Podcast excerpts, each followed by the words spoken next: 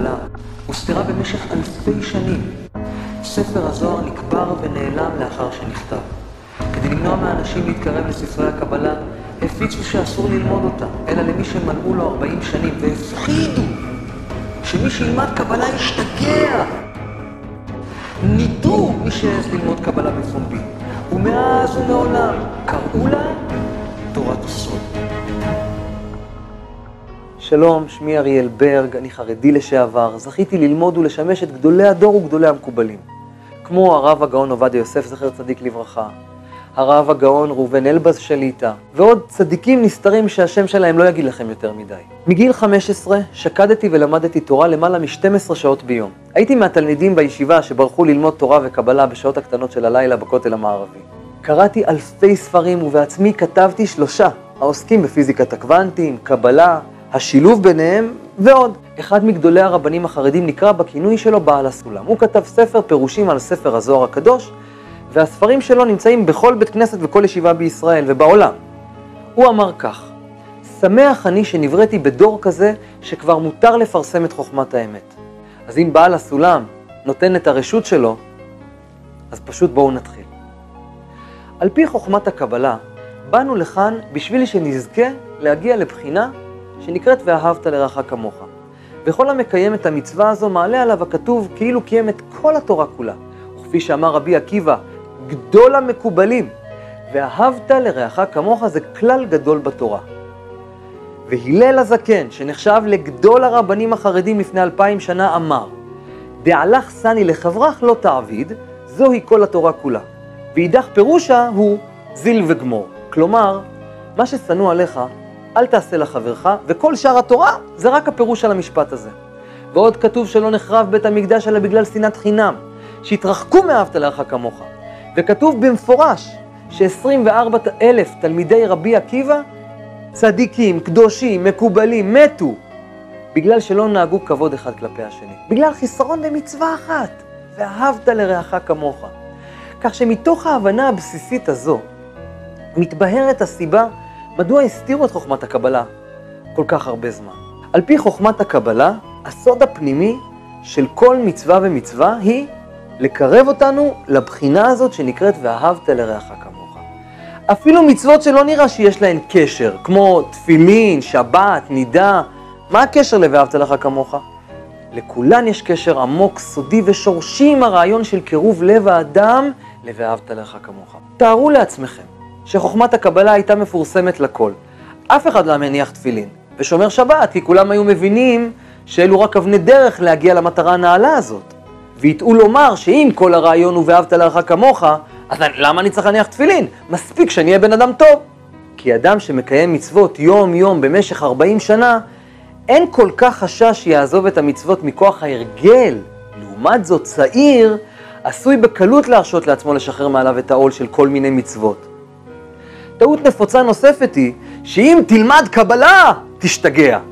נו באמת, הכל בסדר, אפשר להירגע, לא הלכתי לחפש, אבל האינטואיציה שלי אומרת שלא אמצא מקובלים באברבנל. מקור השמועה היא מטעות בשפה העברית, שאמרו שמי שלומד קבלה בגיל צעיר, דעתו עשויה להשתבש עליו. להשתבש פירושו שיבין את הקבלה לא נכון, כפי שהסברתי קודם, ויסטה מן הדרך. אבל מעולם לא התכוונו שישתגע.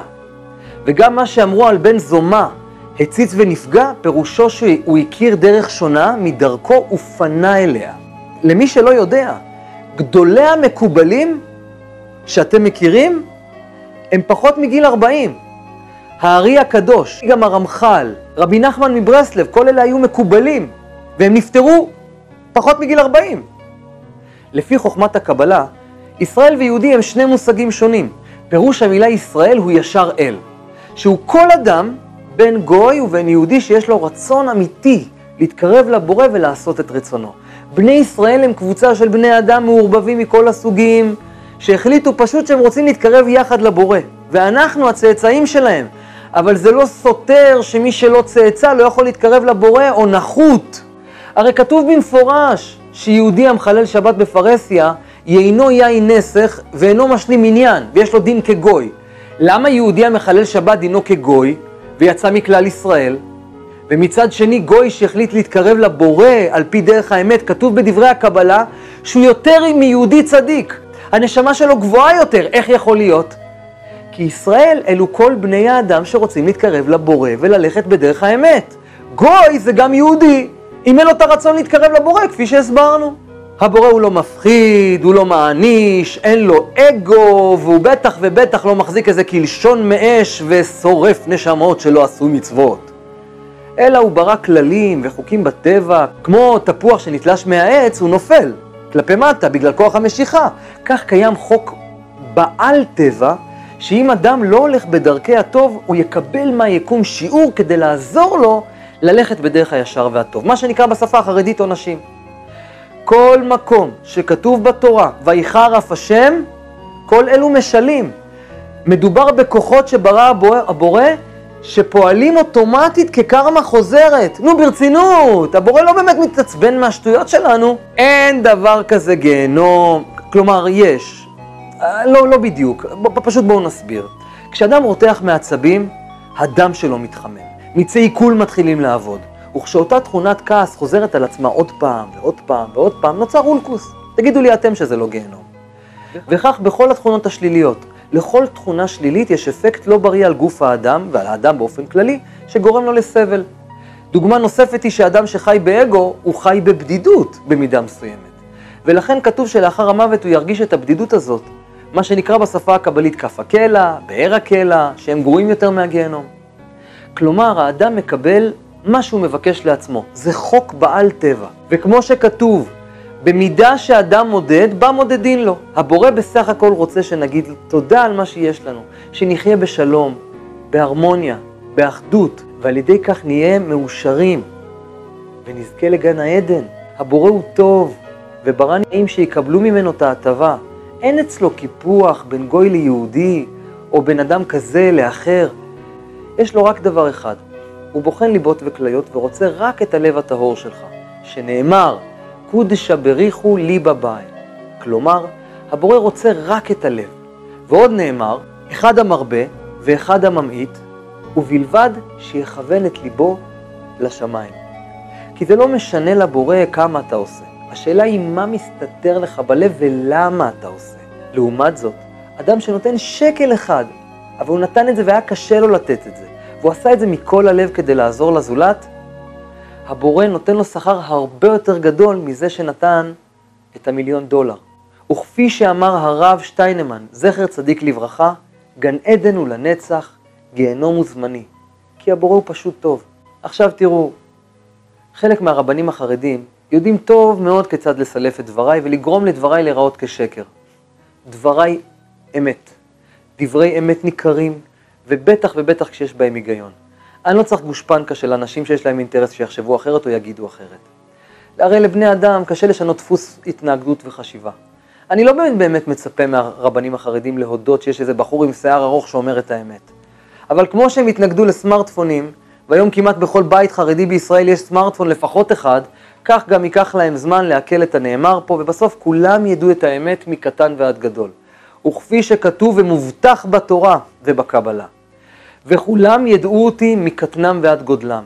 וביתי בית תפילה ייקרא לכל העמים, לא רק ליהודים, כתוב לכל העמים. אני מלמד אמת, וכדי להבין אותה צריך ללמוד אצלי מאות שעות. אני מזמין אתכם לבוא ללמוד אצלי בחינם לחלוטין את חוכמת הקבלה, את האמת כפי שמלמדים המקובלים האמיתיים בחדרים הסגורים בשעות הקטנות של הלילה. זכיתי וקיבלתי את היכולת לתקשר. מה שנקרא בשפה מדיום, או בשפה החרדית קוראים לזה רוח הקודש. כשאני עוצם את העיניים ואומר לאנשים עבר, הווה ועתיד, אני גם רואה את האחדות של היקום עצמו.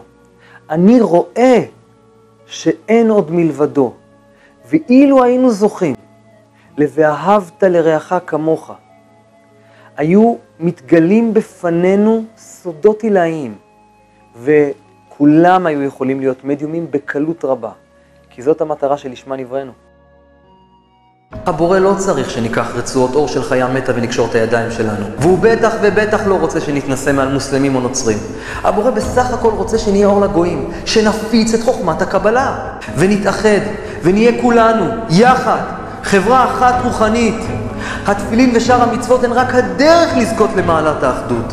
וכתוב שכל המקיים מצוות ואהבת לרעך כמוך בשלמות, כאילו קיים את כל התורה כולה. ואהבת לרעך כמוך. מה ששנוא עליך, אל תעשה לחברך. זאת כל התורה כולה. אז מה זו קבלה? לפני שניגש למהי קבלה, אני אסביר לכם את זה, אני אסביר לכם את זה בצורה פש, פשטנית יותר. מהי פיזיקה?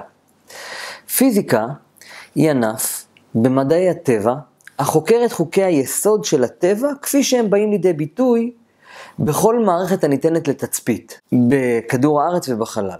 הנושאים בהם עוסקת הפיזיקה כוללים תנועת עצמים, התנהגות החומר, חקר האנרגיה והשפעת חוקי הטבע המסוימים על רצף המרחב והזמן.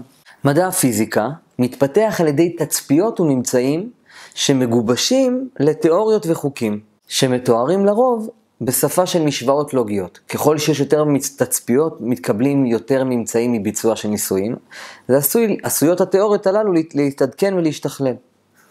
הקבלה היא כמו פיזיקה, אלא בעולם הרוח. הקבלה חוקרת את היסוד של העל-טבע, שהם באים לידי ביטוי בכל מערכת רוחנית, גם שניתנת לתצפית בנפש, בנפש, ביקום. הנושאים בהם עוסקת הקבלה כוללים כוחות עולם הרוח והשפעת חוקי על-טבע מסוימים, תוך כדי התייחסות לכך שאין מרחב וזמן ומסה. מדע הקבלה מתפתח על ידי תצפיות וממצאים של מתקשרים, המגובשים לכדי תיאוריות וחוקים המתוארים לרוב בשפה של משוואות לוגיות. אותו דבר. דוגמה נוספת לשם הבהרה, אתם צופים בסרטון הזה עכשיו. הסרטון הזה הוא התוצר הסופי החומרי כמו הפיזיקה. הקוד, שפת התכנות שגורם לסרט הזה לעבוד, זה כמו בעצם קבלה.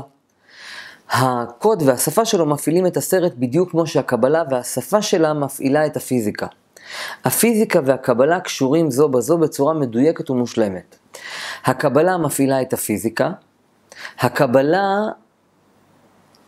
היא הקוד של שפת התכנות של הווינדוס העולמי בעצם. זהו, בואו נדבר על נושא חדש, כימיה. כימיה היא ענף במדעי הטבע שעוסק בהרכב החומר, המבנה שלו, התכונות שלו והשינויים כשבאים באינטראקציה עם חומר, עם חומר אחר. לדוגמה, אם אני לוקח מספר חומרים, אני יוצר פצצה, פצצה או בושם חדש.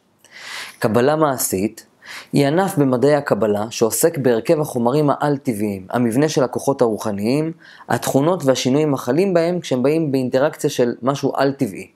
לדוגמה, אם אני לוקח מספר שמות שיש בהם כוחות, ואני כותב אותם על, על קלף, אני יכול ליצור פצצה על-טבעית, מה שנקרא קמעות, סגולות, זהו. זה לא מסובך. דוגמה נוספת למען הבהירות והפשטות, אם אני מקודד בשפת התכנות בצורה חכמה, אני יכול לבנות חוכמה, אה, תוכנה, סליחה, או משחק. אני לוקח את שפת, את שפת הקוד וכותב איתה משהו. כמו שאם אני לוקח את שפת הקוד של עולם הרוח, אני יכול לבנות דברים וליצור דברים בעולם החומר הפיזי, כי עולם הרוח ועולם הפיזי קשורים אחד בשני. זה הכל, פשוט, נכון? זאת אומרת, שפיזיקה מלמדת אותנו את הטבע, הקבלה מלמדת אותנו בול כמו פיזיקה, פשוט בעל טבע. אתם עכשיו רואים את הווינדוס שלכם, את הסרט הזה, ומאחורה יש לו קוד. אז מי שכתב את הקוד הוא כאילו המקובל, אוקיי? פשוט. המקובלים מכירים את הקוד של העולם. פשוט, זה הכל. באמצעות מי שיודע את הקוד של העולם, יכול לשנות את העולם ואת החומר עצמו, כמו שמתכנת יכול לשנות את החוקים של המשחק. זה הכל. יש הרבה סיבות למה חוכמת הקבלה הוסתרה. אני אתן לכם שלוש סיבות. בדיוק כפי שאלברט איינשטיין הסתיר והחביא את חוכמת הפיזיקה הקוונטית, שבאמצעותה אפשר לבנות פצצת אטום, כך גם חוכמת הקבלה הוסתרה. האינטרנט שהוא פתוח ופרוץ, לא יהיה לכם קל ללמוד מהאינטרנט איך לבנות פצצת מימן, שהיא בעצם שילוב של פיזיקה וכימיה. אז בטח ובטח שאמור להיות בלתי אפשרי לבנות פצצת אטום. על טבעית. הגיוני שחוכמת הקבלה תוסתר, כי לא כל אחד אמור שתהיה לו בידיים חוכמה שמסוגלת להרוג בני אדם. לכל דבר בעולם יש צד חיובי ושלילי. כמו שכימיה מסוגלת לעשות דברים, ליצור תרופות ופצצות, כך גם הקבלה. ספרי הקבלה נקברו ונמצאו רק לפני מאות שנים. סיבה נוספת שחוכמת הקבלה הוסתרה היא אה, כדי לתת לאנשים את האפשרות להיות בבחינה שנקראת נעשה ונשמע. אבל על זה אני אמשיך בהמשך של השיעור. סיבה שלישית שחוכמת הקבלה הוסתרה היא, שאם לא מבינים אותה לא נכון, היא מסוגלת להיות כמו סם מוות לאדם, גם את זה אני, אמש... אני אסביר בהמשך. תצטרכו להמתין לשני ההסברים הללו. למה חוכמת הקבלה מופצת בימינו? ובכלל, אולי היא מסוכנת או אפשר להשתגע ממנה? אז ככה, המקור הרשמי לכך שמי שלומד קבלה משתגע נובע מטעות במסכת אה, חגיגה. הגמרא מספרת כך: ארבעה נכנסו בפרדס, ואלו הן בן עזאי, בן זומה, אחר ורבי עקיבא. בן עזאי הציץ ומת, בן זומה הציץ ונפגע, אחר קיצץ בנטיות ורבי עקיבא יצא בשלום. עד כאן לשון הגמרא. פרדס זה ראשי תיבות של פשט, רמז, דרש וסוד. ובזה אמרו שמי שנכנס לעומק של התורה, של הסוד, יכול למות או להשתגע. מפה זה יצאה השמועה הזאת. אז יצאה שמועה לא נכונה, שמי שלומד קבלה משתגע. לרבנים החרדים היה נוח שהשמועה הזאת מופצת, בגלל שהיא מונעת מאנשים להתקרב לחוכמה הזאת. אבל האמת, אחי ואחיותיי היקרים והיקרות, הציץ ונפגע, הכוונה שבן זומר פשוט ראה דרך אחרת וסטה מדרכו הרגילה. זה הכל.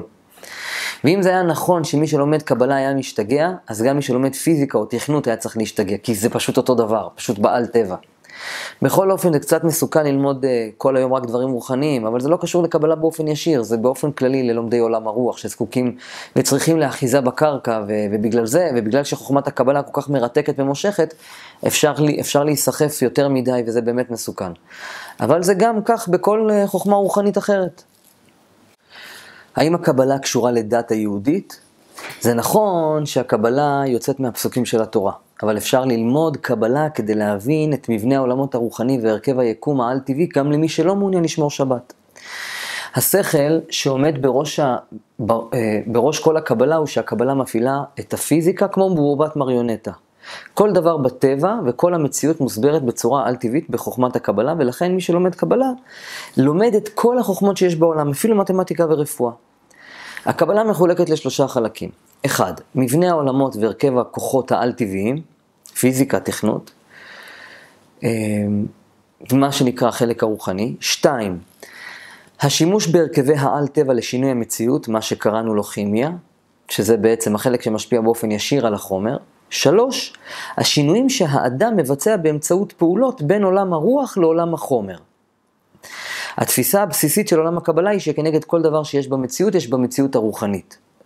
ולכן, כשיש אדם שיש בו את שני הכוחות הללו, הבן אדם, יש בו את שני הכוחות הללו, הוא מדבר, והוא מפעיל כוחות בעולמות עליונים ובעולמות תחתונים. קוראים לזה מידה כנגד מידה. כל מה שיש כאן בעולם, החומרי, בול אותו דבר יש בעולם הרוח. הכל. קוראים לזה בשפה הקבלית שורש וענף.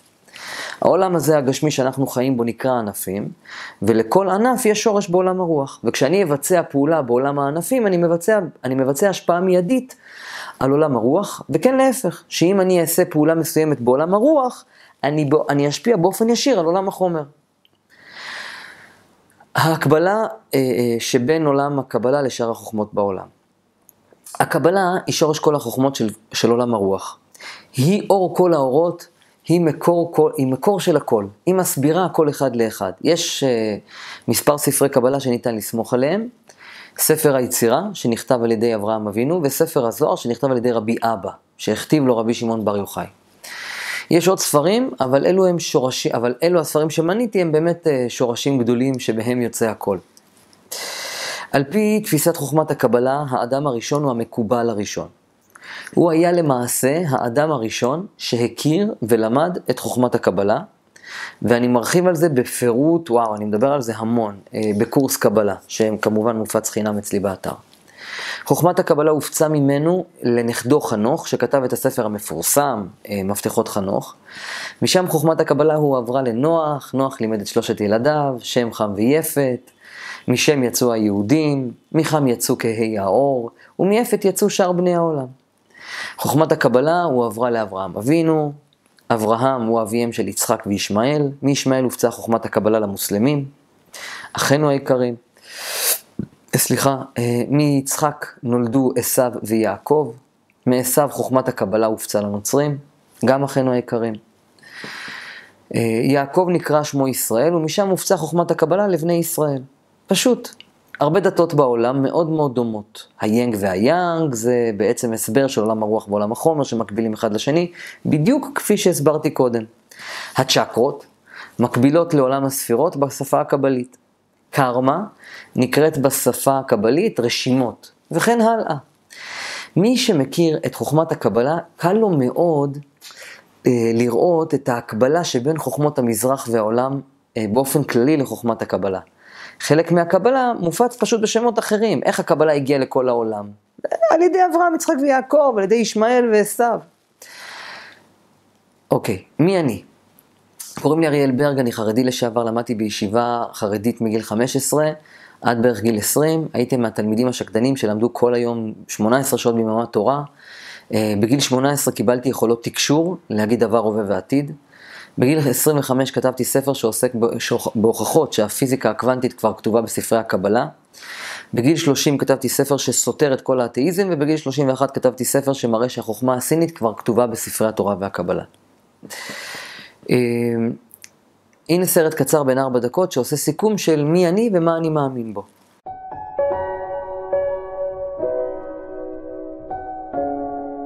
יואו, הראל. זה מה שיש לי להגיד, וואו אחד גדול. שלום, ברוכים הבאים, מה שלומכם?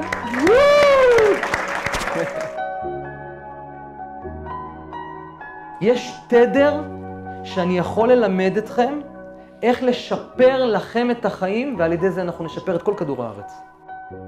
אנחנו באנו לפה כדי להתחבר, כדי לאהוב אחד את השני, כדי להיות בחינה של ואהבת לרעך כמוך. אנחנו נדבר על פיזיקה קוונטית. החומר הקטן ביותר בעולם, שהוא האטום, הוא מופיע ונעלם כל הזמן.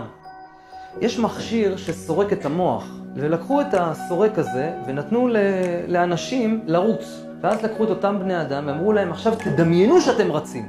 בדיוק אותם מקומות שהמוח תפקד והיו זרמים של חשמל בתוך המוח, בדיוק באותם אזורים היה גם כשהבן אדם רץ וגם כשבן אדם דמיין שהוא רץ. יש כוח למחשבה, יש כוח לדיבור. למה הקבלה הוסתרה? כי היא מסוכנת. אפשר להרוג בן אדם על ידי קמעות. בגלל זה הסתירו את החוכמה הזאת. כתבתי שלושה ספרים. כל הספרים נמצאים להורדה חינם אצלי באתר. כתבתי ספר שנקרא Face the Book. אני מתכתב עם, אה, עם אתאיסטים, שואל את השאלות הכי קשות. אני גם לא עשיתי לו הגעה ולא עריכה. כל המחלות שיש לבני האדם הן פסיכוסומטיות, כולן. כאשר עשרת הספירות לא מאוזנות, האדם נהיה חולה. אף פעם לא למדתי קבלה, אין לי מושג מה זה אפילו. הדרך שבה אריאל מעביר את ה... כל המידע הזה בצורה מאוד מאוד פשוטה ומובנת, וגם מי שלא רוחני יכול אה, להבין את זה. בני ישראל הם היו קבוצה של בני אדם, לא של יהודים, כי לא היו יהודים. הצאצאים שלהם נקראים יהודים. אנחנו באנו לכאן בשביל להתאחד, בשביל ואהבת לרעך כמוך. ואהבת לרעך כמוך, אהבת חינם, אהבת האדם, שאנחנו באחדות עם כל הבריאה. בעצם אה, פקח את עינינו ופקח את ליבנו, ניתן לנו להבין שיש הרבה דברים שמעבר. יש הרבה מה ללמוד ממנו. ואהבת לרעך כמוך, כמוך ואהבת, זאת המהות שלנו, ורעך הוא כמוך. אתם אותו אחד.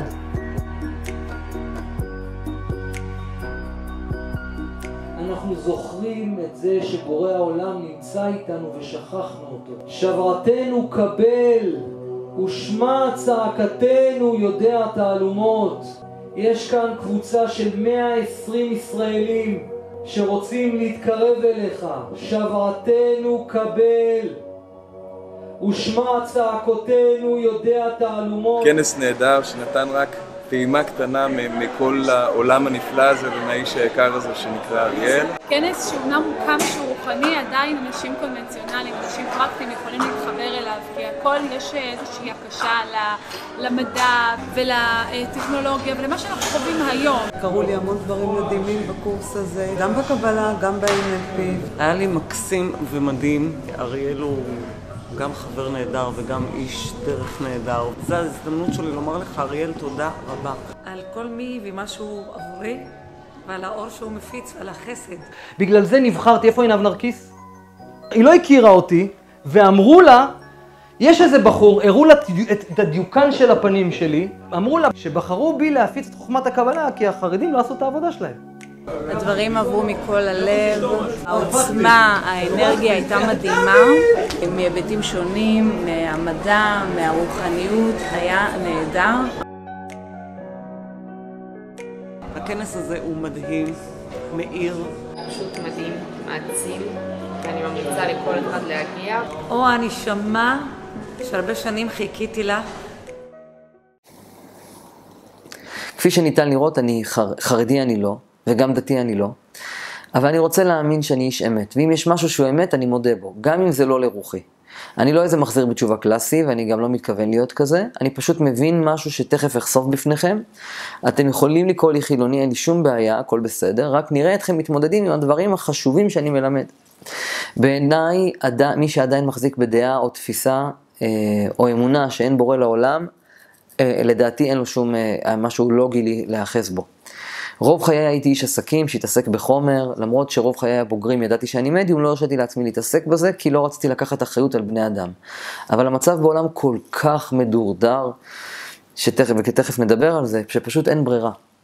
על זה נאמר, עת לעשות לאדוני הפרו תורתך. ומאז שהקמתי את מכללת ידע, שכל מטרתה הוא להנגיש ידע בחינם לציבור כדי שיוכלו להתפרנס וגם להתפתח רוחנית, זה מה שעשיתי, ובמקביל הקמתי את קבוצת הפייסבוק, משתפים ולומדים ידע בחינם, כאשר המטרה של מכללת ידע וקבוצת הפייסבוק הוא להנגיש ידע מקצועי בחינם, שאנשים יוכלו למצוא, למצוא לעצמם פרנסה, בלי לגנוב, ולהתפתח רוחנית. Uh, הכל אני מלמד בחינם, גם מקצועות חול וגם מקצועות רוח. אתם מוזמנים להיכנס לאתר אריאלברג.co.il ולהוריד את שלושת הספרים שכתבתי בחינם, באהבה.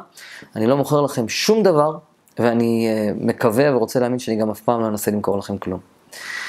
אה, התפיסה שיש לאנשים על התורה ועל הקבלה היא כל כך שגויה, שזה ממש כמו להגיד ששפן זה ארנבת, זה דומה אבל רחוק.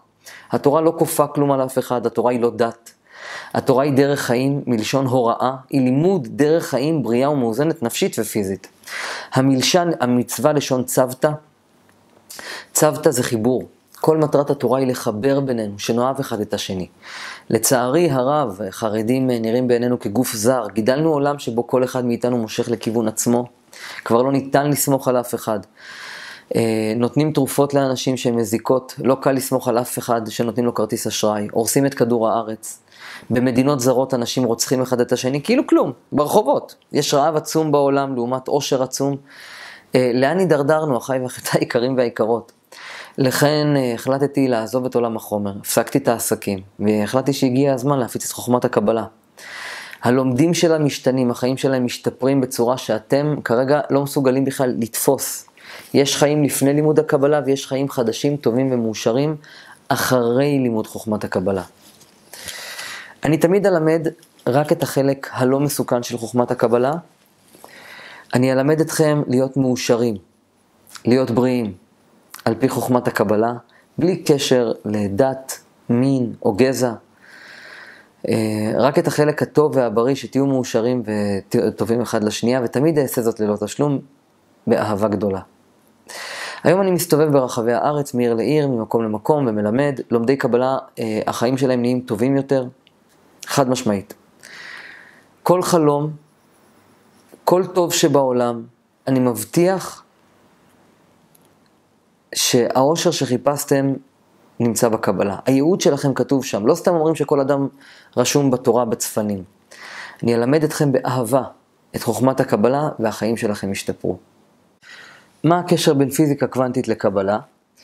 בספר התכתבות עם אתאיסטים שכתבתי אני מביא עשרות מחקרים מדעיים שמוכיחים שהתורה באמת ניתנה בהר סיני ושכל התורה היא אמת על פי המדע. כשעולם המדע התפתח וחוקי הפיזיקה השתנו, כתבתי ספר שמוכיח שכל הפיזיקה הקוונטית הנקראת אה, פיזיקה, שכל הפיזיקה החדשה שנקראת פיזיקה קוונטית, כבר כתובה בספרי התורה והקבלה. בקצרה, חוכמת הקבלה אומרת שהעולם בכלל לא קיים, שכל העולם הפנימי, שכל העולם היא השתקפות פנימית של כוחות הנפש שלנו, חוכמת הקבלה אומרת שכל דבר בעולם, אפילו אה, דומם, יש לו נפש חיה. חוכמת הקבלה אומרת שכולנו קשורים אחד בשני. חוכמת הקבלה אומרת שבכל חלק קטן באדם יש את כל האדם. חוכמת הקבלה אומרת שניתן על ידי עצימת עיניים לראות מקצה אחד של העולם עד הקצה השני, וזכיתי לזה, ברוך השם. חוכמת הקבלה מסבירה גם איך עושים את זה. חוכמת הקבלה גם אומרת שניתן לעשות טלפורטציה, כלומר האדם מסוגל לשגר את עצמו ממקום למקום. קוראים לזה בקבלה אה, קפיצת הדרך. יש עוד, יש עוד, זה על קצה המזלג, כן? והיום הפיזיקה הקוונטית אומרת בול את אותו הדבר, אפילו שזה נוגד את כל השכל שגדלנו עליו. גילו שהאטום נעלם ומופיע, גילו ששני האטומים שנמצאים אה, מרוחקים אחד מהשני מסוגלים להרגיש אחד את השני. גילו שכל העולם שלנו בנוי מאטומים, והאטומים זזים, ויש בהם תנועה וחיות. ובספר שלי, ניפוץ המדע המודרני, אני מצליב את המידע בין הפיזיקה הקוונטית לקבלה. למשל, אלברט איינשטיין העלים ספינה וגרם לה להופיע במקום אחר. אה, כמו שכתוב בקבלה שניתן לעשות קפיצת הדרך. האבנים שנראות לנו דוממות, היום אנחנו יודעים שיש בהם מלא אטומים שהם זזים וחיים, כמו שאומרת חוכמת הקבלה, שבכל דבר, אפילו דומם, יש, יש נפש חיה. ועצם העובדה ששני אטומים מרגישים אחד את השני, אפילו שיש ביניהם מרחק של אלפי קילומטרים, מוכיח חד משמעית את היכולת הטלקינטית שלנו, כפי שאומרת חוכמת הקבלה, שניתן לבצע. הדברים פשוטים למי שרוצה באמת להבין. פעם, אם מישהו היה אומר שקיים בורא לעולם, ויש עולם רוחני, ואפשר לדבר בקריאת מחשבות, היו חושבים שהוא משוגע. גם היום יש כאלה שאומרים עליי דברים כאלה. ואתמול אמרו עליי מישהו, דבר, דבר כזה. היום אנחנו מדברים בטלפון הסלולרי עם, עם אנשים מהקצה השני של העולם בלי כבל, בלי כלום, בשנייה. בורא עולם רומז לנו שהוא קיים. התפתחות הטכנולוגיה היא רמז לבני האדם שיש דברים בלתי נראים לעין. המטוסים רמז לאדם שניתן לעשות עליית נשמה. הטלפונים הסלולריים, רמז לאדם שניתן לדבר בקריאת מחשבות. הפיזיקה הקוונטית רמז לאדם שניתן לעשות קפיצה קוונטית, וכן הלאה. אנחנו היינו צריכים לחזור בתשובה בלי טכנולוגיה, אבל בני האדם היו עסוקים בעצמם, אז הבורא רומז להם על עצם קיומו, כדי שיחזרו בתשובה ממקום של בחירה. כשאני אומר יחזרו בתשובה, הכוונה יהיו אנשים טובים יותר, בסדר? אבל ככל שעובר הזמן, הבחירה מצטמצמת. לחזור בתשובה, אגב, אני לא מדבר בשפה החרדית, כן? אני מדבר על אה, להיות אנשים טובים יותר ויותר, וזה כל חוכמת הקבלה. כל חוכמת הקבלה מלמדת אותנו כיצד להיות אנשים טובים ולשפר לעצמנו ולאחרים את החיים ולעשות נחת רוח לבוראנו. זה הכל. כלומר, אמרתי שהחוכמת הקבלה מתחלקת לשלושה חלקים, זה החלק השלישי. העולם שלנו משתנה, העולם מחליף תדר משליטה גברית לשליטה נשית. בקרוב נראה ראשות ממשלה ומנהלות בחירות בחברות, מה שלא היה מעולם. נכנסים לעידן הדלי, זה עידן רוחני, משתתים, משטרים דיקטטוריים הולכים ונעלמים, כל מי שעושה משהו שאינו הוגן זה צף מיד בזכות הרשתות החברתיות. עידן הדלי הוא זמן רוחני שבו האישה יותר שולטת. האישה, כידוע לפי חוכמת הקבלה, רוחנית יותר מהגבר, שלמה יותר. עידן הדלי מקביל בשפה הדתית לביאת משיח. אין לנו באמת מידע מה זה משיח, או מי זה משיח. אבל מה שבטוח לכולם זה שמדובר בתקופה. אז בשפה המיסטית קוראים לזה עידן הדלי. אם נניח שמשיח הוא בן אדם, אז מדובר באדם שיגרום לכולם להתאחד, להניח את המלחמות בצד ולהבין שכולנו זה אדם אחד. הרוחניות תשלוט. אם משיח זו תקופה, אז כולנו נפנים ונבין שהכל זה אחד, וכולנו צריכים להיות ב"ואהבת לך כמוך" ונהיה נקיים, טובים ומאושרים. לא נלכלך את כדור הארץ, אף אחד לא יגנוב מאף אחד, נאהב אחד את השני, לא נאכל חיות שלא לצורך סתם, אה, אנשים יהפכו מאגואיסטים לאלטרואיסטים. רואים שהעולם משתנה. מלא אנשים, אני אומר לכם, מלא אנשים הופכים לרוחניים. גם עצם העובדה שבא חילוני כמוני, ומפיץ את חוכמת הקבלה, ויש לי עשרות אלפי גולשים באתר, זה אומר הרבה. כתוב, והיה ביום ההוא, יהיה אדוני אחד ושמו אחד. עוד יבואו ימים, אחיי ואחיותיי היקרים והיקרות, וכולנו נדע שיש בורא על טבעי שברא את העולם ולא תהיה לנו בחירה בין טוב לרע. אלא כולנו נהיה טובים מכורח השכל שלנו, שיש קרמה, ובאופן טבעי נרצה להיות נקיים במחשבה, דיבור ומעשה. ברגע זה עדיין יש לנו בחירה. וזה הזמן שלנו לבחור בטוב ולשפר את העולם. אנחנו נמצאים תמיד בין טוב לרע, בין רע למתוק, בין אור לחושך. תמיד צריכים לבחור. מי שבוחר בטוב מתוך הבחירה, זוכה להתעלות רוחנית. ככל שהבורא פותח לנו יותר חוכמות וטכנולוגיות, זה מקטין לנו את הבחירה, ובאופן טבעי מקטין את השכר על כל מצווה ומצווה. לכן הדרגה הגבוהה ביותר בעולם היא נעשה ונשמע, כלומר תמימות. כלומר, אני בוחר להאמין בלי שיש לי הוכחות לדברים שלי. אני פשוט אהיה בן אדם תמים וטהור מתוך בחירה ואמונה שזה הדבר הנכון והטוב ביותר עבור עצמי, עבור משפחתי, עבור השכונה שלי, עבור המדינה שלי, עבור כל העולם. מה אכפת לי אם אני חושב על מישהו מחשבה רעה? כאילו, כן? אם אני מרחל על מישהו. אז חוכמת הקבלה מלמדת אותנו שזה פוגע בנפש שלנו ובעולם כולו. ואת זה חוכמת הקבלה מסבירה לעומק. תארו לעצמכם עולם שכולם נקיים וטהורים במחשבה, דיבור ומעשה. זה מה שחוכמת הקבלה באה ללמד אותנו, ואהבת לרעך כמוך, וזה מה שיציל את העולם כולו. עכשיו כולם בתדר גברי, בהישרדות, מלחמות, לאנשים לא אכפת מזיהום כדור הארץ. בפוליטיקה רואים איך אנשים מרמים אחד את השני, גונבים אחד מהשני. זהו, העולם משתנה. אנחנו עדיין נוסעים על נפט ומזהמים את כדור הארץ והורסים את החור באוזון למרות שיש לנו כבר אנרגיה סולארית. אבל רואים איך העם הופך להיות רוחני. אנשים שהיו רחוקים מהרוחניות הופכים לרוחנים, שליטת הדתות פחות ופחות דומיננטית ואנשי אהבה ורוח תופסים תאוצה ומקום. זה נקרא שהמשיח מתקרב. הבורא הוא אחד, וכולנו אחד. כשאני חושב על מחשבה רעה, על מישהו, זה פוגע בו ובי, אפילו שלא אמרתי כלום, רק חשבתי. כשאנשים יבינו את זה, הם יהיו בין, בין אם הם ירצו ובין אם לא, הם יאולצו להיות אנשים טובים יותר. והעצה הטובה ביותר היא לעשות את זה כל עוד יש לנו בחירה. עכשיו תהיו אנשים יותר טובים. ברגע שהפיזיקה הקוונטית תוכיח את זה מדעית, הבחירה תתבטל ולא יותר שכר. כולנו מבחינה מדעית נבין שכולנו אחד וקשורים אחד בשני, ואנשים ינקו את עצמם ממקום שכלי. אבל על זה לא יהיה להם שכר על מעשיהם הטובים. ואני אמשיך להסביר את זה עוד בהמשך, עוד הרבה. רק לפני שאני עובר לנושא הבא, יש לי לומר לכם ככה.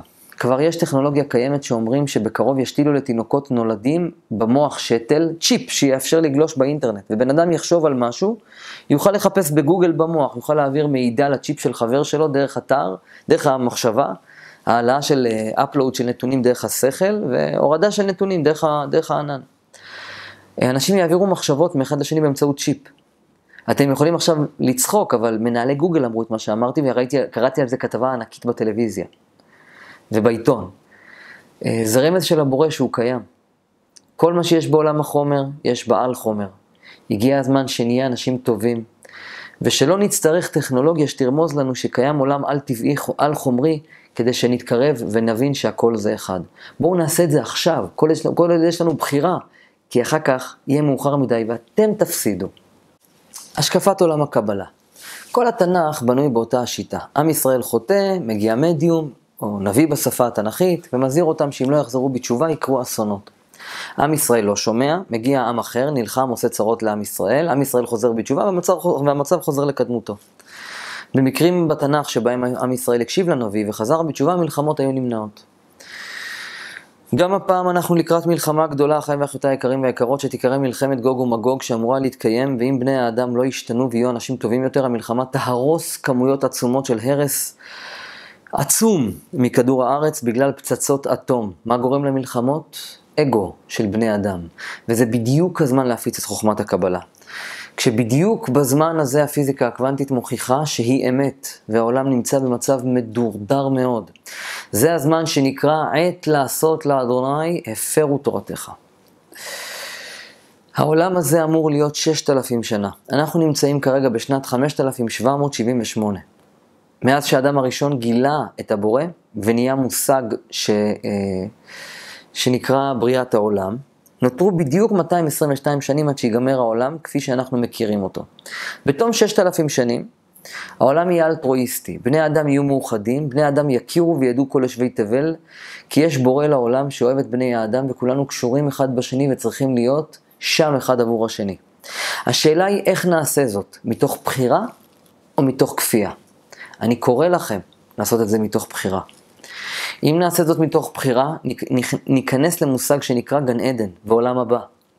אם נעשה זאת בכפייה, תקרה כאן מלחמה עצומה שתשמיד חלקים גדולים מכדור הארץ, ואלו שיישארו הם יזכו להיכנס לגן העדן ולעולם הבא, וכל אנשי האגו יילחמו אחד בשני ויעלמו. לכן באתי אני הקטן, ללמד אתכם קצת מצוות ותורה, כדי להציף לכם את הבחירה ולהראות לכם משהו שלא הסכמתם לשמוע מאנשים דתיים. זה כי מעבר לזה שתנצלו, כפי שחבריי המדיומים ואני רואים מה עומד לקרות, אתם גם תחיו כאן, חיים יותר טובים כאן. כי כתוב כבר בתורה ובחוכמת הקבלה, כל המחלה אשר שמתי במצרים לא אשים עליך כי אני אדוני רופאיך. כלומר, התורה היא הריפוי לו לאדם. אנחנו רק צריכים לבחור בטוב. אחת היתדות הנאמנות לתגלית מחשבה יוצרת מציאות היא ניסוי מעניין שנעשה בוושינגטון די.סי, שנחשבה לבירת ה- ה- ה- אה, הרצח העולמית בשנת 1993. במחקר השתתפו כ-400 אנשים מ-100 מדינות שונות כדי לערוך מדיטציה משותפת בזמנים שונים לאורך היום. הצפי היה ש-25% מהפשיעה, ירד באותה שנה בעקבות המדיטציות. לא הרבה האמינו שזה יעבוד. מפקד המשטרה בעצמו אמר שצריך שלג בגובה חצי מטר כדי שאחוז הפשיעה ירד בחצי ל-25%, ולמרבה הפלא, באותה שנה, באותו קיץ, 25% מהפשיעה באמת ירד. זה בדיוק מה שאני מנסה להסביר לכם.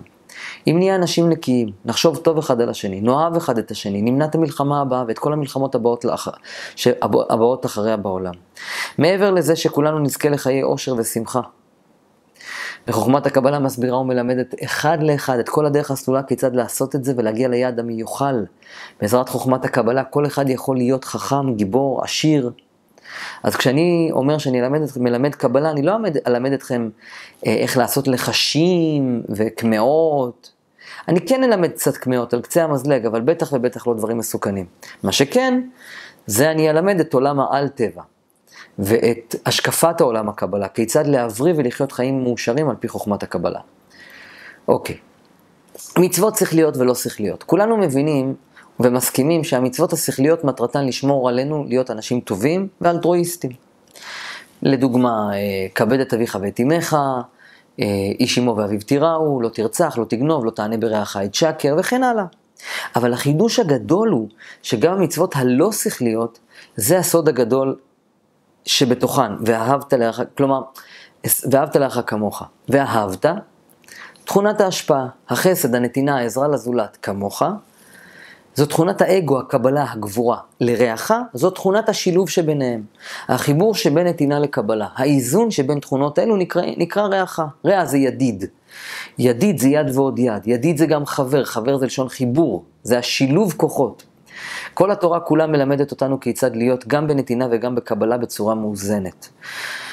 הראשונה שדיברה על צער בעלי חיים היו התורה וחוכמת הקבלה. לדוגמה, התורה מתירה שחיטה, והמון אנשים צרחו שזה צער בעלי חיים, אבל המעיינים במצווה הזו מגלים עולם שלם של רחמים וחמלה. אין שום, אני אתן לכם כמה הוכחות. אחד, אין שום חובה מצד ההלכה לאכול בשר.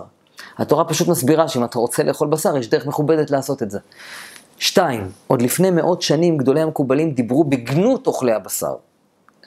שלוש, מוכח מחקרית שהשחיטה הכשרה מונעת ב-100%, לא ב-99, ב-100% את הסבל של החיה. מי שלא מאמין לי יכול להיכנס ליוטיוב, לרשום סדרת ההוכחות שהתורה אמת עם אריאל ברג, ולראות, אני מדבר על זה באריכות.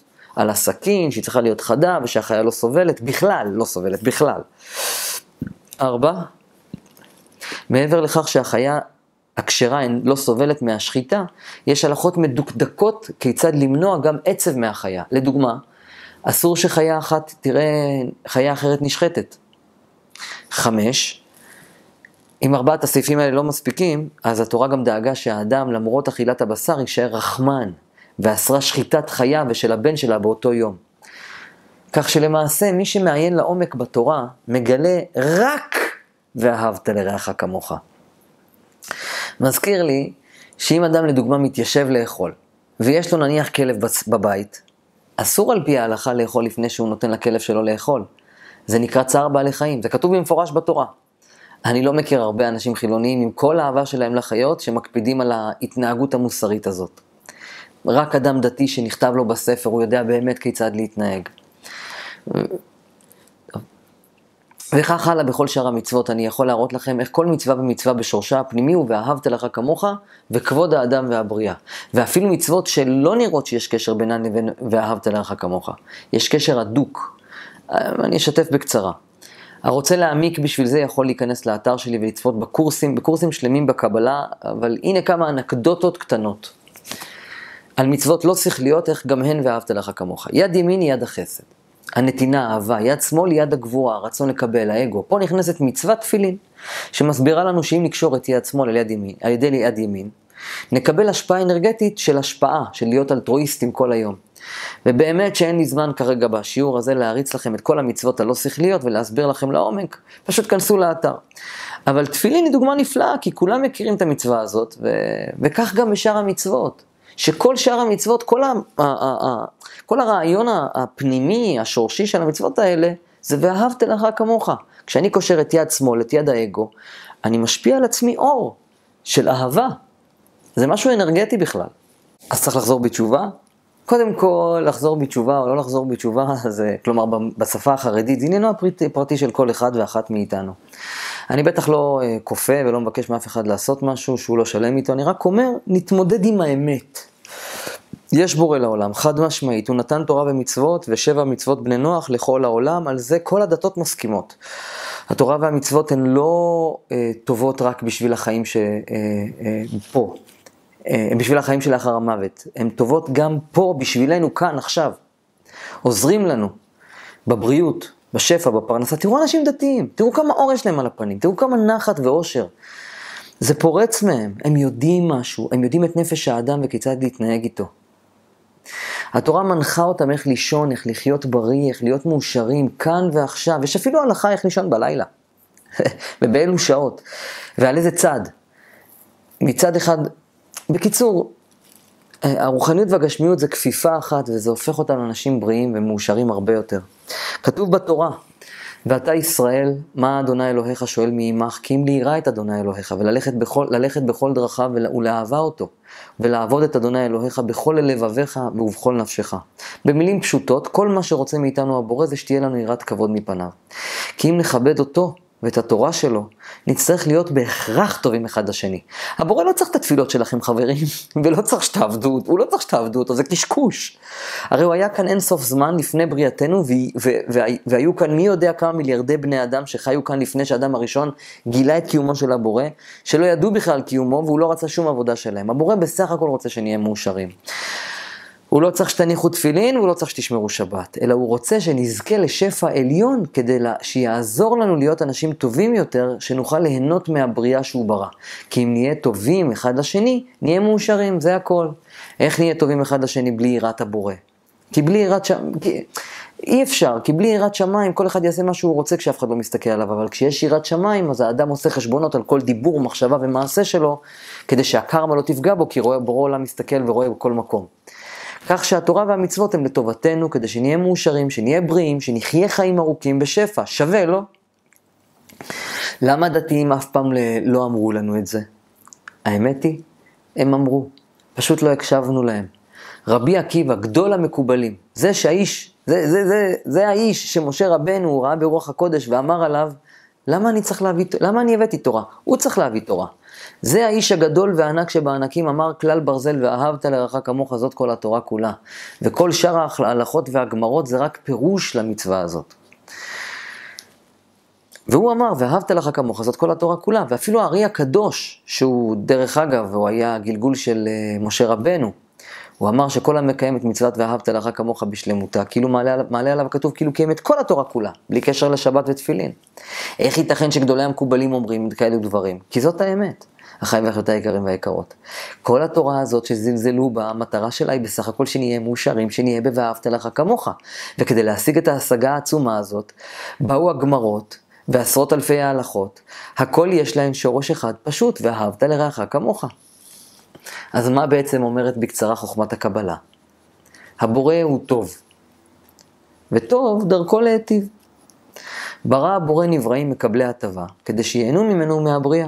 לכן נברא האדם, ועל מנת שהאדם לא יתבייש ליהנות מהעולם מבלי שעשה עבור זה שום דבר, ניתנה לו תורה בהר סיני, עם מצוות והלכות, כיצד להיות טובים, ואם נהיה טובים אחד לשני.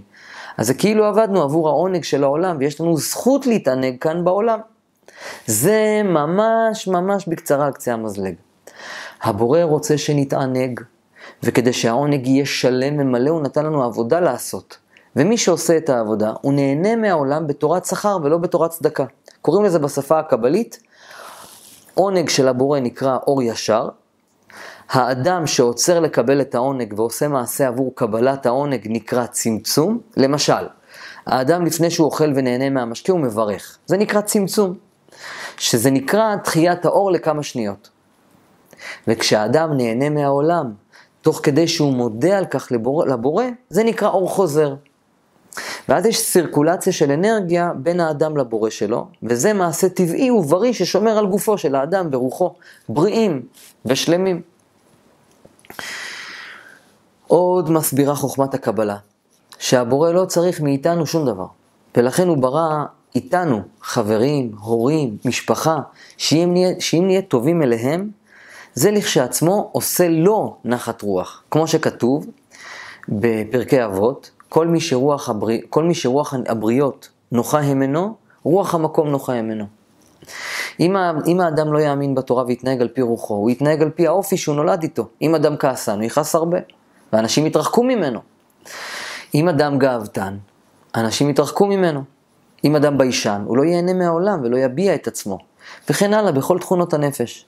בשביל זה, יש לנו תורה, ועושה לאדם סדר כיצד ינהג בעולם כדי להיות מאושר ומחנכת אותו במרכאות. מחדש לטובתו האישית. וככה האדם נכנס לגן עדן עלי אדמות, ומי שלא, סובל בגיהנום. כעס יוצר אולקוס, זה בין היתר גיהנום, וכן הלאה. תאמינו לי, תחסכו כסף של מטפלים, קואוצ'רים ופסיכולוגים, ושבו ללמוד קבלה. זה ירפא לכם גם את הגוף, וגם את הנפש, וגם יזכה אתכם בחיי העולם הבא. כל המחלות של האדם הן פסיכוסומטיות. אדם מאושר, שלו ורגוע, או מה שנקרא בשפה הקבלית צדיק גמור, אין סיכוי שיחלה בכלום. אדם חולה צריך בסך הכל לעשות התבוננות בהתנהגות שלו ובתכונות הנפש שלו. יתקן אותן, וכמו פלא וקסם הוא יתרפא. אני גם מלמד רפואה דרך אגב. חוכמת הקבלה מלמדת אותנו שאין לו לאדם להאשים איש מלבד את עצמו בכל מה שקורה איתו בעולם. ובנוסף לכל מה שנאמר עד כאן, חוכמת הקבלה מסבירה שיש גם חיים לאחר המוות, חיים רוחניים. בעולם העל-טבעי יש רק אחדות. אחדות נקראת גם קדושה, טהרה, אהבה, רצון להשפיע. בעולם החומר יש פירוד, פירוד נקרא גם טומאה, שנאה, רצון לקבל לעצמך. האינסטינקט הבסיסי של האדם הוא לעשות לעצמו טוב. תראו את הילדים הקטנים, כל דבר אומרים, תתה לי, תתה לי. לכן אנחנו זקוקים לעזר חיצוני שילמד אותנו כיצד להגביר חסדים על הדינים, כפי שנקרא בשפה הקבלית. כלומר, איך להגביר מידת האהבה והאחדות על פני הפירוד, האגו, השנאה, או בשפה הרוחנית, להיות אנשים רוחניים, אלטרואיסטים. בגלל זה כל הזמן אנחנו אומרים שעל שנאת חינם אה, אה, נחרב בית המקדש. אי אפשר לסמוך על שיקול הדעת האנושי, על האנושי כשהוא כועס. כל אחד יש לו אמת, אמת מידה אחרת. אחד חושב שזה בסדר אה, לרחל על החבר שלו, והשני חושב שזה לא בסדר. מי צודק? בשביל זה קיבלנו במתנה את חוכמת הקבלה והתורה איתה. שכל מה שצריך לעשות זה לשבת ללמוד אותה ולהבין כיצד לחיות בריא ונכון בחיים וחיים מאושרים על פני כדור הארץ. ומי שלא יעשה את זה, חבל, הוא סובל. אין בן אדם כמעט שלא סובל בעולם. העולם בימינו מידרדר כי כולם עסוקים באגו שלהם. מחירי, מחיר, אף, אף, תראו, תראו מחירי שכירות, שכירות, שכירות של הדירות. יותר יקר ממשכנתה. מנצלים את העניים משלמים שכירות יותר יקרה ממשכנתה, זה נובע מהאגו, מהרצון לקבל, מחוסר אכפתיות. ואני יכול לתת לכם עשר שעות על הרצאה, של הרצאה על מה שקורה כאן בעולם ואיך הפכנו לאנשים שלא אכפת לנו אחד מהשני. אם העולם היה הולך על פי חוכמת הקבלה, כל העולם שלנו היה נראה אחרת. אנשים היו מאושרים כאן, ולא היו פערים חברתיים וכלכליים כל כך גדולים. כשהאדם חושב שהוא חומר, רק חומר בלי נשמה, חומר חומ... גוף חומרי, הוא חי בפירוד ומנסה לשרוד ולקחת לעצמו. אם האדם היה מבין שכולם קשורים בכולם, ואם הוא, ואם הוא יפגע באדם אחר הוא עתיד להיפגע מקרמה, הוא היה חושב מיליון פעם לפני שהוא יעשה מעשה נוראי. כמו שאומרת חוכמת הקבלה, כל הפוסל במומו פוסל. ומה ששנוא עליך אל תעשה לחברך. ועוד כתוב, יהא ממון חברך חביב עליך כשלך. בקיצור, אני יכול לצטט לכם פה מאות פסוקים, שכל מטרתן היא ללמד אותנו דרך ארץ ונימוס בסיסיים. אם כולם היו הולכים על פי הקבלה, לא היה פה רצח אחד. לא היה פה גניבה אחת בעולם. אדם שמאוזן בתכונות נפשו הוא המאושר באדם. הוא חי בגן העדן עלי אדמות. אדם שלא מאוזן בתכונות נפשו, הוא חי בסבל, חד משמעית. בחיים שלאחר המוות אין גוף, אין חומר, אין פירוד, יש רק רוח, יש רק רצון להשפיע, יש רק אהבה. ומי שלא ירגיל את עצמו, כאן, בשמונים שנים האלה, כאן, על פני כדור הארץ, להיות בן אדם אלטרואיסט, לא יוכל לסבול את הקיום שלו אחרי שהוא יצא מהגוף. כי הוא יתרגל לחיות בשביל כסף ותאוות בצע ובשביל עצמו. וככה הוא יכול לסבול לנצח. זה נקרא גיהנום. ומי שמרגיל את עצמו להיות אדם נקי, ישר, טוב, והולך בדרך טובה, זוכה להיות אדם אלטרואיסט, ולחיות בדרך של ואהבת לך כמוך. אז הוא זוכה, אחרי שהוא יעזוב את הגוף החומרי, הוא ייהנה מעצם העובדה שהוא אהבה, כמו הבורא, והוא ייהנה לנצח מהקיום שלו. זה נקרא גן עדן. ואל תחשבו שאתם יודעים איך זה להיות אנשים טובים. מי שלומד הלכות וחוכמת קבלה, מבין שהוא רחוק מאוד מלהיות צדיק אמיתי. צדיק זה לשון צדק, שכל מעשיו, מחשבותיו ודיבורו הם בגדר צדק ואמת נקיים, ללא קנאה, ללא שנאה, ללא תחרות, ללא אגו, ללא חיפוש אחר הכבוד והגדולה. ניקיון פנימי אמיתי, יש על זה עשרות אלפי ספרים, ואם האדם לא חי בלימוד יומיומי, אין סיכוי שהוא באמת מאוזן, שלם וצדיק. ושוב, אני לא מדבר על דת, אני מדבר על דרך חיים של עושר ואיזון והרמוניה למען עצמנו, למען העולם כולו. זאת השקפת עולם הקבלה האמיתית. ומה עם המיסטיקנים הרוחניים שאין בהם ידיעת חוכמת הקבלה? אנשים טועים לחשוב שרוחניות זה ריקודים, שירים, מוזיקה, אנשים באים ואומרים אלוהים זה אהבה. ויש את השקרנים שעושים מהדת מסחרה ומוכרים אה, כל מיני שיטות ריפוי כאלו ואחרות. אני לעומת אה, זאת אה, מוכר רק את הטיפולים האישיים, האישיים שלי ואת העבודה שלי אחד על אחד, כשאני עושה תקשור לאנשים. אבל כל החוכמה שאני מלמד, כל האתר שלי, כל העמותה שלי, זה בחינם, אני מעניק באהבה בחינם, בחינם לעולם. כי אני מאמין שכל אדם צריך להתרפא, ושיהיו לו את הכלים הללו בעצמו. אלוהים הוא לא אהבה, בואו נתחיל בזה שהבורא הוא אף פעם לא משהו שתוכלו להשיג בשכל שלכם. המקסימום שאתם מסוגלים להבין זה שהוא רוצה להיטיב לנבראיו, וברא נבראים מקבלי הטבה. פה זה מתחיל ופה זה נגמר, אחי ואחיותי היקרים והיקרות. הבורא הוא הכל, גם אהבה וגם יראה. וכל מי שמתעלם מהקרמה של העונש, אה, למה שנקרא אה, אה, הרשעים, הוא בגדר כסיל. כי צריך קרמה רעה שתחזור, שתחזור למי שלא מתנהג בדרך אצילית. וראיתי כמה מיסטיק, מיסטיקנים שמדברים בשם התקשור דברים שהם לא אמרו, שלא אמרו להם. אלו הכי גרועים. והעונש של הקרמה שלהם זה שהם יקבלו מכה בדיוק באזור שהם מדברים בשמו. מי שאומר שמקבל בראש מידע מהבורא, ולא, ולא קיבל את המידע הזה, הוא יחטוף בראש. מידה כנגד מידה, ברא הבורא. העולם בנוי על פי קרמה. בן אדם שיקר, ישקרו לו. בן אדם רימה, ירמו אותו. רוחניות בגדול זה לב טוב. רוחניות זה ואהבת לך כמוך מעל הכל. כל שאר הטקסטים עם הנרות והמוזיקה והקטורת זה לא רוחניות. זה יכול לעזור לאדם להיות אדם שלב יותר, אבל זה לא, רוח... זה לא נקרא אדם רוחני, זה נקרא אדם רגוע. אה, אדם רוחני אמיתי זה מי שיש לו לב טוב. מדבר רק דיבורים טובים על אנשים אחרים וחושב רק מחשבות טובות על אנשים, והוא מסוגל להפוך למדיום והברכות שלו מתקיימות. אה, מי ששם קטורת ומנגן, אין לו את הכוחות האלו. תיזהרו ממיסטיקנים כאלו. אה, ראו הוזהרתם, אחיי ואחיותי היקרים והיקרות. בואו אראה לכם אה, מה הכוח של אדם רוחני אמיתי. אני אשמיע לכם כעת מספר שיחות מוקלטות של הלקוחות שלי איתי, שעשיתי להם תקשור טלפוני, ותראו מה הכוח הפנימי של, שקיים בכל אדם. תספר לי מה אתה רוצה, תשאל אותי, תשתף אותי, אני כאן. אני עם עיניים עצומות. אוקיי, ככה. אה, אני בן 44, אה, אה, כרגע בתהליכי גירושין פעם שנייה. המצב הכלכלי... יש, לא... פה יל... יש, יש ילדה ברקע שלא נשארת אצלך, מי זה הילדה הזאת? שואו, איזה מלך אתה. קודם כל, קוראים לנו פאר, אוקיי. והילדה שלי, שהיא פשוט אה, נפלה מקומה ראשונה על גזע המוח והיא נפטרה. יואו! בת ארבע. איזה מלך אתה, יואו, לא... אה, זהו, הרגת אותי עכשיו, כבשת אותי.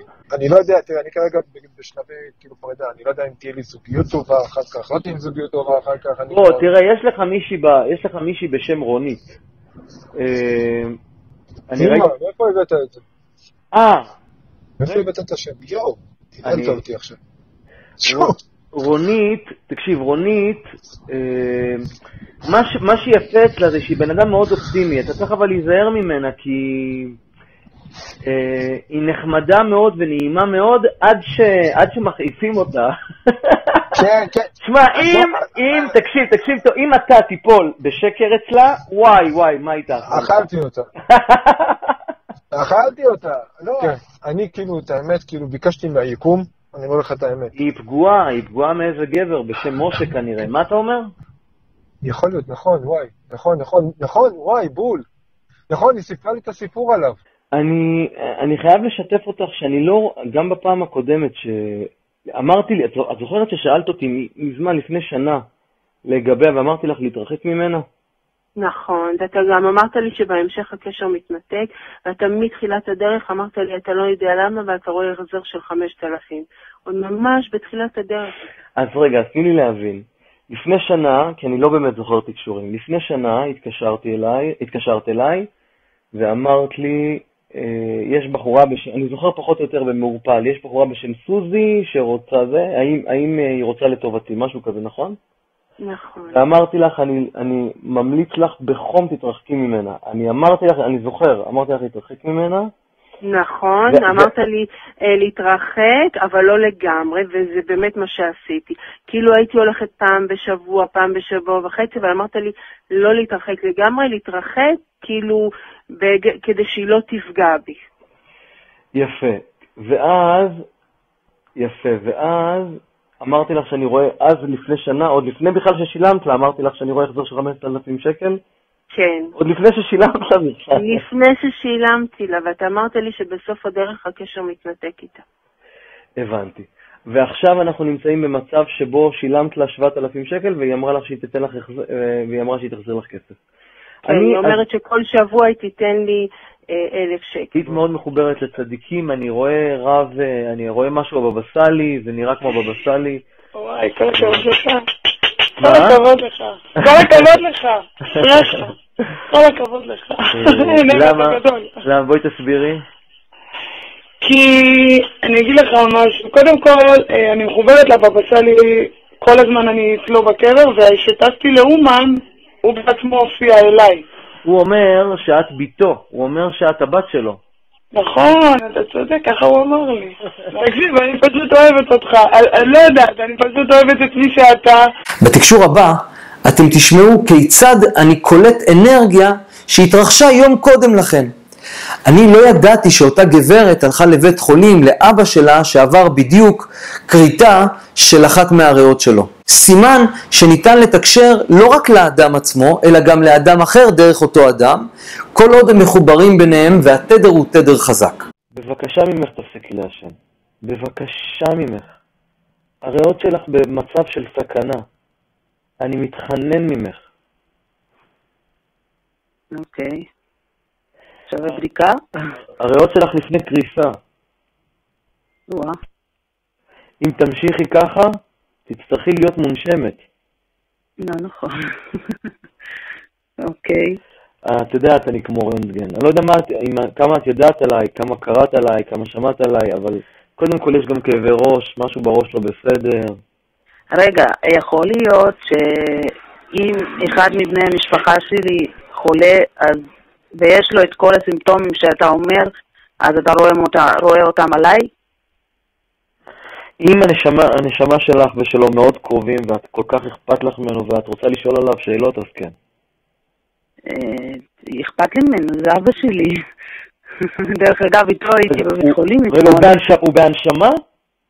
איך? הוא לא בהנשמה, חלילה, לא, לא, לא. הוא עבר כריתת ריאה, ויש לו סרטן. אה, זה מה שאני רואה. אה, השם יברך אותך, איזה מזל שאמרת. אה, זהו, נבהלתי, אה, אמרתי, בואי אה, לי. אה, ריאה שמ- ריאה שמאלית, ריאה שמאלית. נכון, כן. אה, זה מה שראיתי, איזה מזל. לא, אתה אומר לי סימפטומים שיש לאבא שלי, כאילו, אתה יודע, אין לו כאבי ראש, אבל יש לו גרורות בראש ועובר הקרנות. הוא נעים. ימנית במוח, הוא ימנית קדימה. אני כבר לא זוכרת. איי, השם ישמור, ואני כזה נבהל, ואני אומר, אוי ואבוי, כריתת עונה עכשיו, הוא כריתת, כאילו, כריתת ריאה, השם ישמור, ואני אומר, איך אני אומר לה את זה עכשיו? יכולות התקשור הן בלתי ניתנות להסברה. בתקשור הבא אתם תשמעו איך אני מתקשר לבחורה שלא פגשתי מעולם, לא ראיתי מעולם, לא תמונה שלה לא ראיתי, ועוד לפני שהרמתי אליה צלצול על התקשור שהיא קבעה איתי, כבר ידעתי מה היא רוצה לשאול, על מה היא רוצה לדבר, וממש אני כבר פתחתי את זה, את הכל הסיפור כבר עוד לפני בכלל שדיברנו בטלפון. סימן שאנחנו כבני אדם מחוברים, מסוגלים לתקשר טלפתית, גם אם האדם נמצא בקצה השני של היקום. שימו לב להקלטה הבאה. היי, מה נשמע? בסדר. פעם ראשונה שלך? כן. לגמרי, אני כזה כמו חדשה, חדשה. אני יכול לשתף אותך כבר עכשיו, שיכול להיות מישהו ש, ש, שנפגע, אולי אפילו ישב על כיסא, גל, יושב על כיסא גלגלים, מישהו שנפגע, זו תחושת uh, עצבות עמוקה מאוד שמלווה אותך כבר הרבה זמן. Uh, יש תחושת עצבות uh, עמוקה שמלווה אותך כבר הרבה זמן. לדעתי מדובר באדם שנפגע, ויכול להיות אפילו שהוא יושב על כיסא גלגלים, או פגיעה פיזית, או פגיעה באופן כללי. זה מה שאני רואה כבר עוד לפני שהתקשרתי, עוד לפני שהתקשרתי אלייך. אין לי מישהו שיושב על כיסא גלגלים, לשמחתי. כן, כן. כן, אבא שלי הוא... וואו, זה לא כיסא גלגלים, אבל הוא עבר ניתוח ברגליים, בשתי הרגליים. אה, אוקיי, אז את רואה, את רואה עכשיו, אוקיי, תודה. כן, עכשיו פתאום תוך כדי הכל מתחבר. כן, הוא כאילו לא, לא, לא הולך טוב. ברגע שהתקשרתי כבר הרגשתי שמדובר, יש פה עצבות בלב. אני לגמרי איתך. יש לי עוד אלפי הקלטות כאלו. יש לי עוד אלפי תקשורים שעשיתי לאנשים. רוצים לדעת מה, יכול, מה הסוד שלי? איך אני עושה את כל הדברים האלו? הסוד שלי הוא פשוט, ובאהבת לרעך כמוך. שואלים אותי אנשים, איך אתה עושה את כל הדבר הזה? תשובה מאוד פשוטה. אני באמת, באמת, יודע להסתכל על האדם השני, אכפת לי ממנו. ושימו לב, תקשור שמישהי עשתה לי, איך מדברים עליי בשמיים. כאילו אני איזה רב גדול. תקשיבו להקלטה הבאה. ואז נדבר בצורה קונקרטית על איך אפשר לפתח את היכולת הזאת בכם גם. כן. אז שמעתי, אני אגיד לך מה שמעתי, ותגידי לי, בטח תספרי לי את הגרסה שלך ממקור ראשון. כן. אני שמעתי כך, שמעתי שאת מתקשרת מדי פעם. כן. וקיבלת מסר מאביך, זיכרונו לברכה. לא, זה לא אבי, זה סבא שלי. זה אבא שלו. קיבלת מסר מאבא שלך, מסבא שלך לדבר איתי. כן, ממש קיבלתי. אה, סבא שלי, כשהוא נפטר, הוא בא וכל הזמן אמר לי, אני, אני הולך ללמוד, אני לומד, גם הרבה פעמים כשעליתי הראו לי שהוא לומד. וכל הזמן אומר לי, אני לומד, אני לומד, אני מתפתח, ופתאום כשעליתי לרקיע השביעי, אמרו לי, הוא שמה, בואי תראי, בואי תראי אותו, הוא הגיע לפה. הייתי בהלם מוחלט, והוא בא וישב איתי ואמר לי, תשמעי, את צריכה ל... בואי אני אסביר לך כאילו על דודו, את התהליך, מה הולך להיות. ומי שיבוא לעזור לו זה, זה בחור שהוא יבוא אלייך, פשוט הבחור הזה, הוא, אתה לא מבין איך מדברים עליך שם למעלה. אתה לא מבין. איזה יופי. זה, וואו, זה היה, אני לא הבנתי אם דיברו על מישהו ולא הבנתי מי זה. וכשממש יום למחרת בבוקר פתחתי את המחשב, ואתה הראשון שעלית ב... אני לא הייתי חברה שלך, לא מכירה אותך, לא יודעת כלום. יש לי פשוט חברה עדי, ואמרה לי, תשמעי, רציתי ללמוד NLP, בואי תראי, יש פה מישהו. והייתי בהלם, אני, אני ראיתי אותך, זה כאילו השתקפות של מה שהם הראו לי. עם מה ש... שאותך למעלה. אמרו לך את השם שלי גם, או רק ראית דמות שלי? לא, לא, אני ראיתי דמות. אני ראיתי מי, ממש, כאילו, דמות כזו, ממש ראיתי אותך ממש. אז כפי ששמעתם והבנתם והבחנתם, יכולות התקשור שלי הן לא מיוחדות לי, אני לא, לא בעלים של הדבר הזה, אני בסך הכל בן אדם, אבל גם אתם בני אדם. היכולת הזאת שיש בי, יש גם בכם. אילו רק תלמדו כיצד להשתמש בכוח הזה, שמותנה בו כוח ואהבת לרעך כמוך. אתם תהיו מסוגלים לראות עבר, הווה, עתיד, תוכלו לעשות תקשור לחיות, לצמחים, לאנשים שנמצאים בקצה השני של כדור הארץ, אנשים שלא דיברתם איתם. אני לא צריך לא קפה, לא קלפים, לא כדורי בדולח, אני פשוט עוצם את העיניים ויודע לעשות את זה. אני יכול ללמד אתכם לעשות את זה. יש לי עוד אלפי הקלטות כאלו, לא מפורסמות, שיתפתי אתכם רק עם אלו עם התגובות המגניבות והמצחיקות, וכמובן שאישרו לי לפרסם. את היכולות האלה אני יכול להעניק לכם במתנה, ולא רק תשבו, תלמדו חוכמת קבלה ותהיו אנשים טובים. איך אתה רואה אותי כרגע? בגלל שיש אור, אם נכבה את השלטר, אתה לא תראה אותי. אנחנו רואים באמצעות האור. חוכמת הקבלה היא האור העל-טבעי. היא נקראת האור הגנוז. חוכמת הקבלה היא תורת הסוד, והיא נגנזה.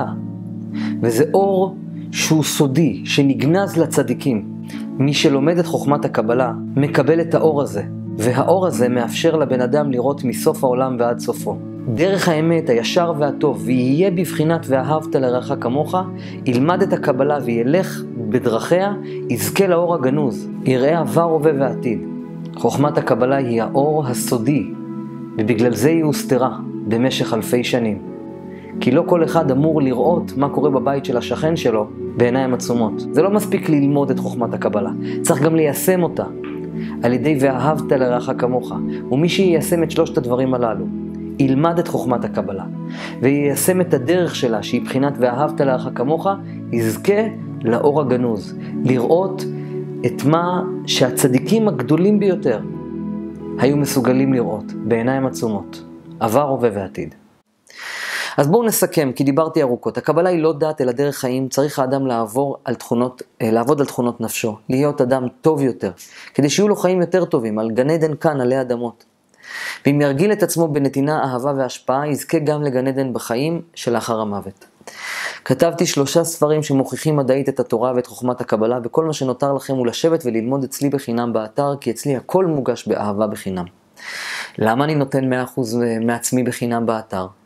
כי אני הבנתי שככל שאני נותן יותר ומפיץ יותר אור, ככה העולם יחזיר לי בקרמה חוזרת אושר, שמחה, אהבה, חברים טובים, משפחה מאושרת. אני חי על פי מה שאני מלמד, כן? ובזכות זה זכיתי שאני מסוגל לראות עבר, הווה ועתיד, לראות בעיניים עצומות, מחלות ולעזור לאנשים, להגיע לייעוד שלהם, וזה עושה אותי מאושר עוד יותר.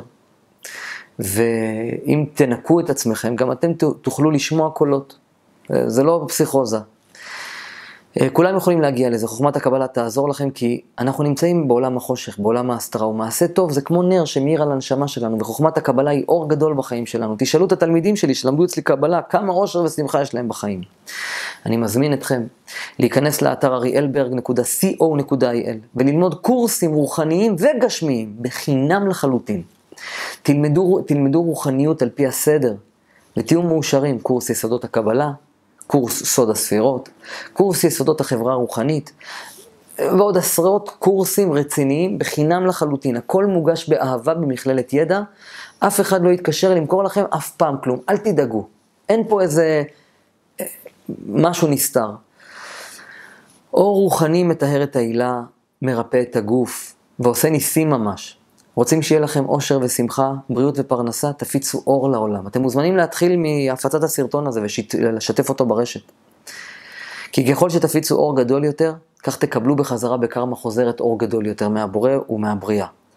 בימים אלו ממש עמותת ואהבת לך כמוך ואני עובדים על סרט דוקומנטרי חדש, שבו אני הולך לבתים של פיזיקאים, פרופסורים בעלי שם עולמי, ואנחנו מדברים על פיזיקה קוונטית והמדע, שגיל, ואני מראה להם איך הכל כבר כתוב בקבלה. כשהסרט יצא החוצה, אתם תראו איך הם בשוק מוחלט. הם יגידו לכם בעצמם, חוכמת הקבלה היא האור הגדול ביותר בעולם.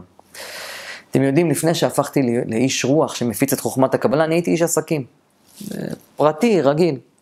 אבל העולם כל כך, ראיתי שהוא הידרדר, והמצב הנפשי של האנשים כל כך גרוע, וראיתי שהפיזיקה הקוונטית מתחילה לגלות, להתגלות בעולם ולגלות את עולם הרוח, הבנתי שבאמת הגיע הזמן להפיץ את חוכמת הקבלה, ועזבתי הכל. אז עשו טובה לעצמכם, לי ולבורא עולם ולאהובים שלכם. שבו ללמוד קבלה. אתם לא תשתגעו, אתם רק תהיו מאושרים יותר ויותר. ואל תפחדו מהדת או מהדתיים, יש לכם חופש בחירה בעולם. אני רק רוצה שתהיו מאושרים. באהבה, אריאל ברג, ובבקשה, תשתפו, תפיצו אור. זה המעט שאתם יכולים לעשות למען עצמכם ולמען הזולת. החיים יקרים מדי מכדי שנעביר אותם בבינוניות, ללא משמעות אמיתית. מי אתם? למה באתם לעולם? בשביל מה נקרא כל הדבר הזה שנקרא חיים? למה יש אנשים טובים שסובלים ואנשים רעים שמצליחים? מה הייעוד שלנו בתוך כל הדבר הזה שנקרא מציאות? אילו הייתי מספר לכם שאולי, שאולי יש סיכוי שיש לי את כל הכלים והידע ללמד אתכם לדעת איך להצליח, לשפר לכם את החיים באופן משמעותי באמת, בכל תחום. אהבה, בריאות, זוגיות, פרנסה, תקשורת בין אישית וכל מה שאתם מסוגלים לחשוב עליו. שלום. שמי אריאל ברג, חרדי לשעבר, ואני מפיץ את סודות הקבלה הנשגבים כדי להפיץ אור. לומדי קבלה נהנים משינוי תפיסת המציאות והלב נרגע. זה קורס מדהים. שיעשה אתכם אנשים מאושרים, באמת, מבפנים. תיכנסו לאתר www.arielberg.co.il ותלמדו בחינם לחלוטין את קורס יסודות הקבלה, קורס סוד הצבעים, קורס סוד האותיות, קורס סוד הספירות, ועוד תמצאו באתר ידע רב שעשוי לעניין ולמצוא חן בעיניכם. ומי שירצה לאחר מכן ללמוד לעומק יותר, מוזמן ליצור איתנו קשר. שיהיה בהצלחה ותודה.